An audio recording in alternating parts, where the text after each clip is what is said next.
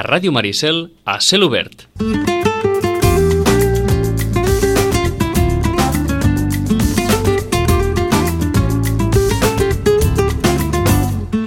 Desde el Hospital Veterinario Sala Gorón, Eduardo Tobaja, buenos días. Buenos días, buenos días. Uh, vamos a empezar con, con, esto tan fácil. Con, con, es, con, este calor, los animales de compañía, ¿qué? ¿Los lo regamos con agua? ¿Los, ¿Los, metemos bajo la ducha? ¿Qué, ¿Qué, hacemos? Debajo de la ducha no. Debajo de la ducha Debajo no, de ¿eh? la ducha no. No, porque eso puede aumentar la temperatura ah. corporal. Si está muy, muy mojado, el, el, pelo no, no, se seca y, man, y conserva la, el calor corporal. O sea que a diferencia de los humanos...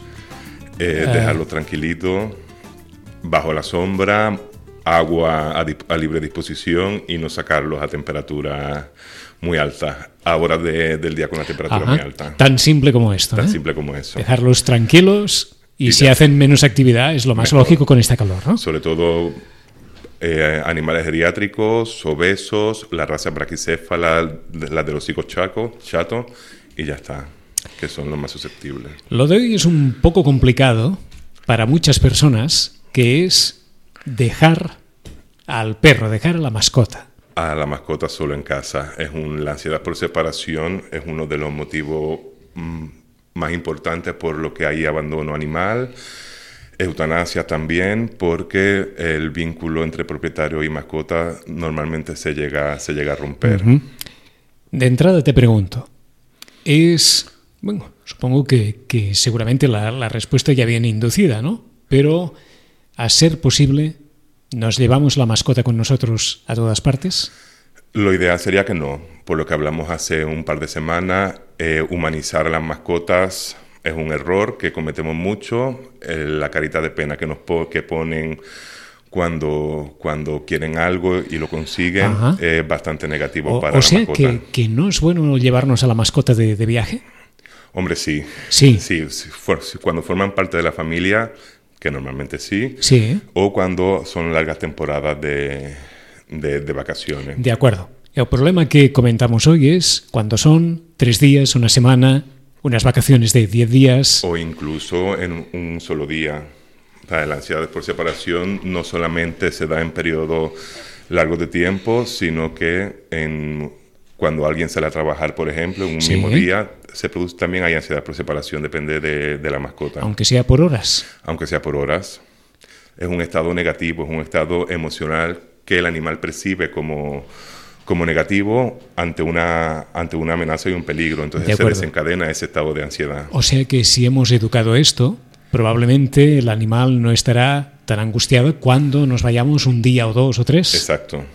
O para el trabajo, sobre todo cuando aquí, la, cuando las viviendas son compartidas, tipo edificio, bloques de piso, pues son se, se caracterizan por estados de vocalizaciones Ajá. que pueden llegar a resultar molestos para los vecinos, incluso llamar a la policía De acuerdo. por, por ese exceso O de sea, ruido. ese ladrido, ese lamento perpetuo, Puede suponer un- una molestia. los perros lloran.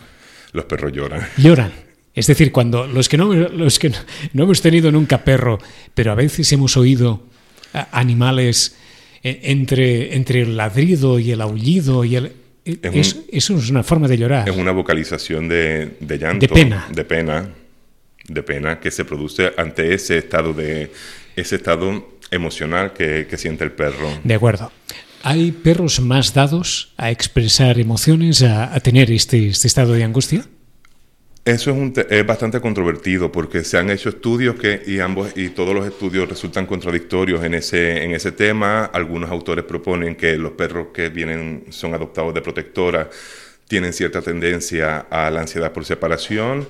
Otros autores consideran que los perros adquiridos en una tienda por el destete precoz de la, de la madre también tienen una tendencia mayor a la, a la ansiedad por separación, pero realmente no ningún estudio es concluyente. Ajá. O sea que la ansiedad, de un modo, ¿cómo lo diríamos esto? Casi sin querer, la creamos nosotros La creamos nosotros. a través de esta convivencia tan, potente No, con el perro Normalmente son por las propias características de, de- del perro. del animal. Sí, aquí, tengo tal. Sí. Eh, bueno, los perros son animales sociales. Entonces ellos están acostumbrados a un grupo social, a la pertenencia de un grupo y tanto por el factor evolutivo de conservar esas características juveniles en los estados adultos, tienen una necesidad mayor de atención. Por tanto, primera conclusión, los perros en principio no viven para estar solos. Viven para estar acompañados. Viven, son, son, son animales sociales. De acuerdo por otros perros, por humanos, pero gatos, otras especies. En compañía más o menos perpetua. Sí. Esto que, que, alguien dice, no, no, es que nos tenemos que acostumbar, a veces la vida lleva... No, no, en el caso de los perros... Los perros no, evolutivamente se han sido seleccionados para eso por la, bueno, pues por, por la especie humana que han sido condicionados a de acuerdo. Por tanto, tenemos que tener mm, en consideración esto. ¿eh? Eso, o sea, tener un perro para dejarlo todo el día solo, no. De acuerdo. Pero supongo que los perros necesitan su espacio y que no, vaya, que no estemos permanentemente. Además, eso es negativo para, para, el perro porque no le deja dar rienda suelta a su instinto y a su pues, forma de, de, jugar o de, explorar, o, de explorar el entorno. De acuerdo. ¿Cómo podemos mm, intuir que nuestro perro, nuestra mascota, tiene, tiene un problema de ansiedad antes de que, de que suceda, porque esa imagen que nos has descrito antes también de nos vamos de casa y detrás de la puerta empiezan a, eh, empiezan a arañar la puerta, a raspar. Esto ya es evidente que es una situación que ya se ha producido. Antes de que se produzca esto, ¿cómo podemos intuir que, que, el perro puede caer? Bueno, señales, señales que, que, manifiesta la mascota, sobre todo no quieren estar solas, están todo el tiempo siguiendo al, ¿Al, al propietario, al baño, a la cocina, eh, bueno, dormir en la cama, siempre estar acompañado de, la persona. Esa, esa necesidad constante de atención, de perseguir al propietario, es muy indicativo de que podría desencadenarse una ansiedad por separación. De acuerdo. Como, nos, como nos, nos has dicho que los perros son seres sociales, esta conexión con el propietario, supongo que es el propio propietario quien debe educarla. Quien debe educarla. El perro no tiene que dormir en la cama no debe dormir en la cama, no debe subirse al sofá, no debe comer con los propietarios. Todos son pautas que el propietario tiene que entender y hacer posible educarse. Si no se educa... Si no se educan, tienen, hay problemas. Porque una vez el problema sucede, ¿qué, ¿qué, pasa? Nos vamos a trabajar y cada día... Hay el tratamiento.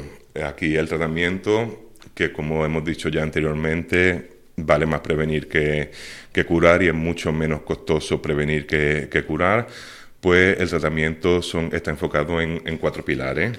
¿vale? El más importante es la educación del propietario. Lo mismo que decíamos antes, no dejar que se suba al sofá, no dejar que eh, duerma en la cama, que coma a su tiempo cuando el propietario así lo decide.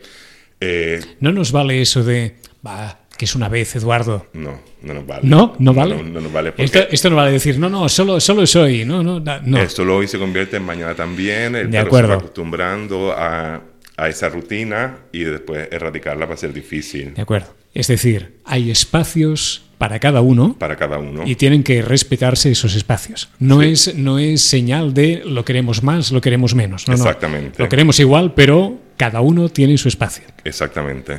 De acuerdo. Este es un pilar. Es uno de los pilares más importantes. Sobre todo, además, un factor además muy importante en la educación del propietario es enseñar al propietario que las caricias o esa, esa atención solamente hay que darla cuando el propietario lo quiere, no cuando la mascota lo, lo busca. Porque ahí sí también estamos llevando a ese tema de, de ansiedad. Aquí el propietario es quien tiene que decidir cuándo y cómo dar las caricias, los mimos o prestar atención al perro. Ah, ah, casi de una forma instintiva acariciamos a, los perros, a las mascotas, ¿no? Sí, hombre, ¿Por qué? Porque, bueno... No, nace, no, nace acariciar. Porque, no, no, pero eh, claro, supongo que volvemos al principio, los perros a lo mejor en algunos casos sí, pero no han nacido para ser acariciados todo el día. Constantemente.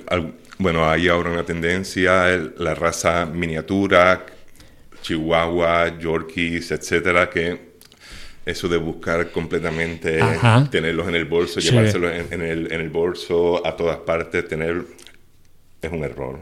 Es un error. Es un error, sobre todo porque además estamos predisponiendo a la mascota, bueno, a ser agresivo, esa agresividad por por dominancia. De acuerdo. El propietario. Es decir, estamos mascota. creando un perro pos- posesivo. un perro posesivo que en un perro pequeño a veces incluso resulta gracioso, pero si ese mismo comportamiento se da en un perro Grande. grande, o potencialmente peligroso, podría tener consecuencias nefastas. De acuerdo. Por tanto, primera pata o primer concepto. Cada uno tiene su espacio. Segundo, no acariciar permanentemente. A la mascota y A la solamente cuando el propietario así lo desee. De acuerdo. Tercero, Eh, aquí, bueno, hay pautas, eh, más o menos algunos tips para, para evitarle, evitar es que se produzca esa, esa ansiedad, por ejemplo, identificar las señales que van, que van, que ya el perro dice, aquí me van a dejar solo, e intentar camuflarlas. Por ejemplo, evitar o, bueno, ignorar completamente a la mascota durante 15 o 30 minutos antes de marcharse de casa. De esa forma, pues la mascota va intuyendo que se va a quedar solo, pero como no tiene esa necesidad de ignorar atención, quiere decir ignorar. ignorar quiere decir ignorar. Ignorar, ¿eh? Ni darle- mirar, ni dar ni darle juguetes, incluso porque van a asociar que darle el juguete significa que lo van a abandonar, lo van a dejar en casa. Entonces, el perro aprende de manera rápida y si le dan un juguete justo antes de, abandon- de, de abandonarlo, Sí, de dejar de- la casa, sí. va a asociar que el juguete me van a dejar y no le va a servir de nada. Porque hay algo que pueda, ¿cómo te lo diré? Distraer a una mascota durante muchas horas o, Pues o mira, no. por ejemplo, hay, ex- existen juguetes que se rellenan con, con comida. Una de las marcas más famosas es el, el Kong, pero hay otra que se van rellenando con comida y es una forma de distraer a la, a- a la mascota porque se entretiene intentando sacar la comida. No dársela antes de dejar a la mascota, sino en momentos puntuales que la mascota De asocie ese juguete sin el, sin el, el abandono. Esto puede servir. Eso podría servir. ¿Y esto puede servir diariamente o se Sí. va a acostumbrar también a... No, podría servir. Podría siempre servir. cuando no se asocie darle el juguete con marcharse de casa. O sea, la media hora de rigor, de, De rigor, de ignorancia. ¿eh? Eh, dar el juguete y marcharse de casa. Exactamente. Eh, mientras esté en casa, por ejemplo, lo que comentábamos antes, eh, no buscar dar solamente los mismos o acariciarlo o jugar con él solamente cuando el propietario lo desee.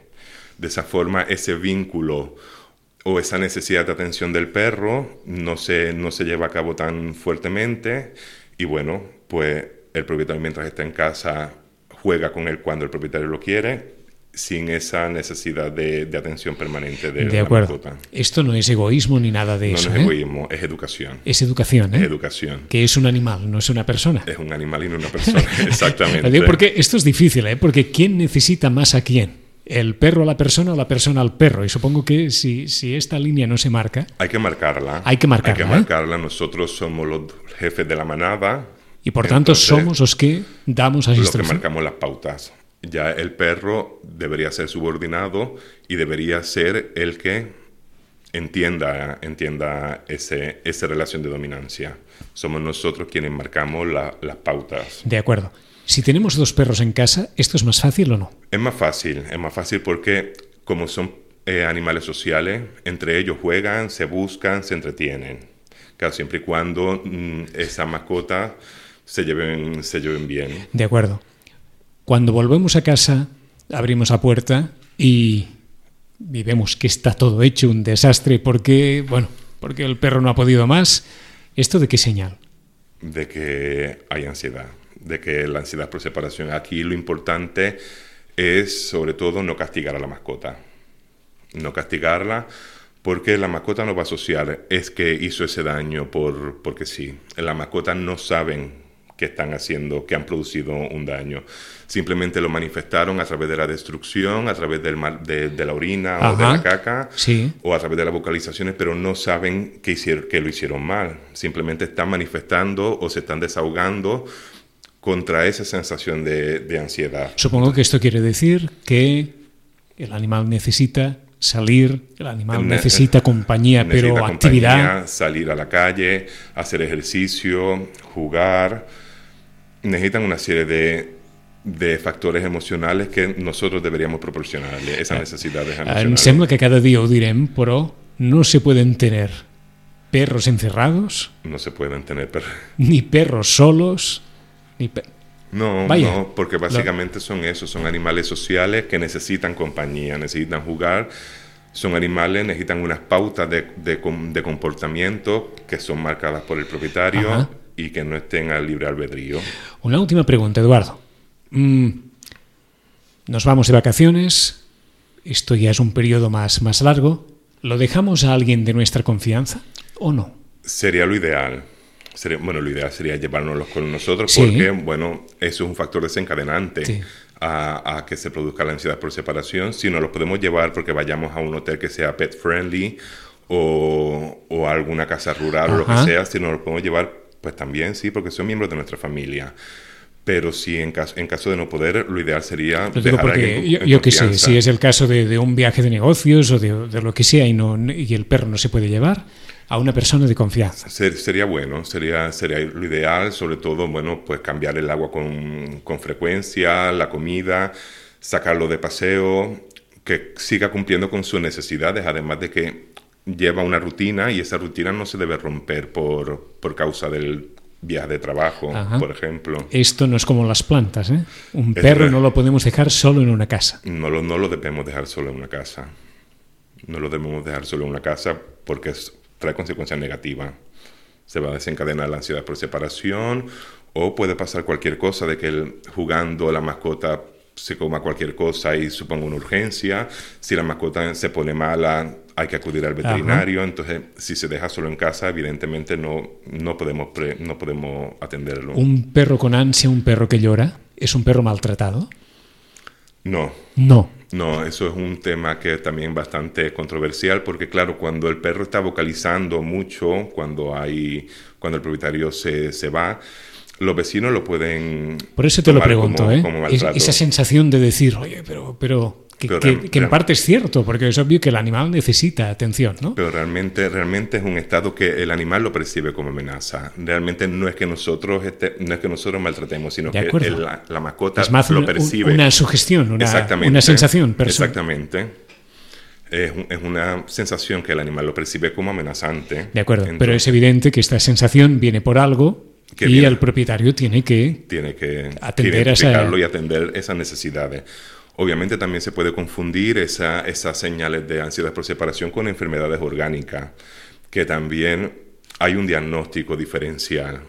Enfermedades hepáticas, enfermedades neurológicas, que cursen con algunas de esas señales que también están presentes en ansiedad por separación. ¿De Entonces?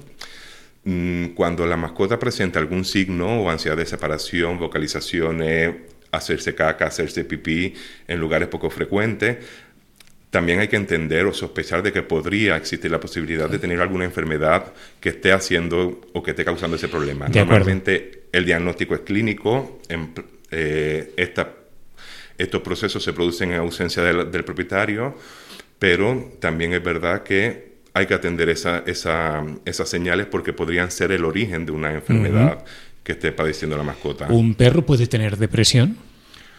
No, No, ¿eh? no. Eh, no es una no es No, una- no no lo podemos equiparar, ¿eh? Esto no, no es un... equiparable. No, no. Pero sí un estado de ánimo. Un perro puede estar triste. Puede estar triste, puede estar triste, estar alegre, porque se cumplen con, su, con sus necesidades emocionales. Hablar de depresión ya es algo, No. ya- ya es algo- decir, es algo mayor. podemos equiparar estados de ánimo, pero Algún no, pero no algunas patologías que son, digamos, muy humanas. Muy humanas. No las podemos asociar a, a los animales. ¿eh? Una, una mascota cuando parece que, esté- que está triste, pues evidentemente cuando se empiezan a cumplir esa, esa- a suplir esas necesidades, realmente lo de- deja, de, deja de estarlo. Una persona que está deprimida, pues, Està clar. no, no. Està clar. Doncs alguns dels consells per a aquells que hagin de marxar o que tinguin un problema cada dia amb el seu gos perquè se sent angoixat quan se'n van de casa són els que ens ha comentat eh, l'Eduardo Tobaja des de l'Hospital Veterinari Salagron. Eduardo, gràcies. Nada, gracias a ustedes. Hasta la próxima.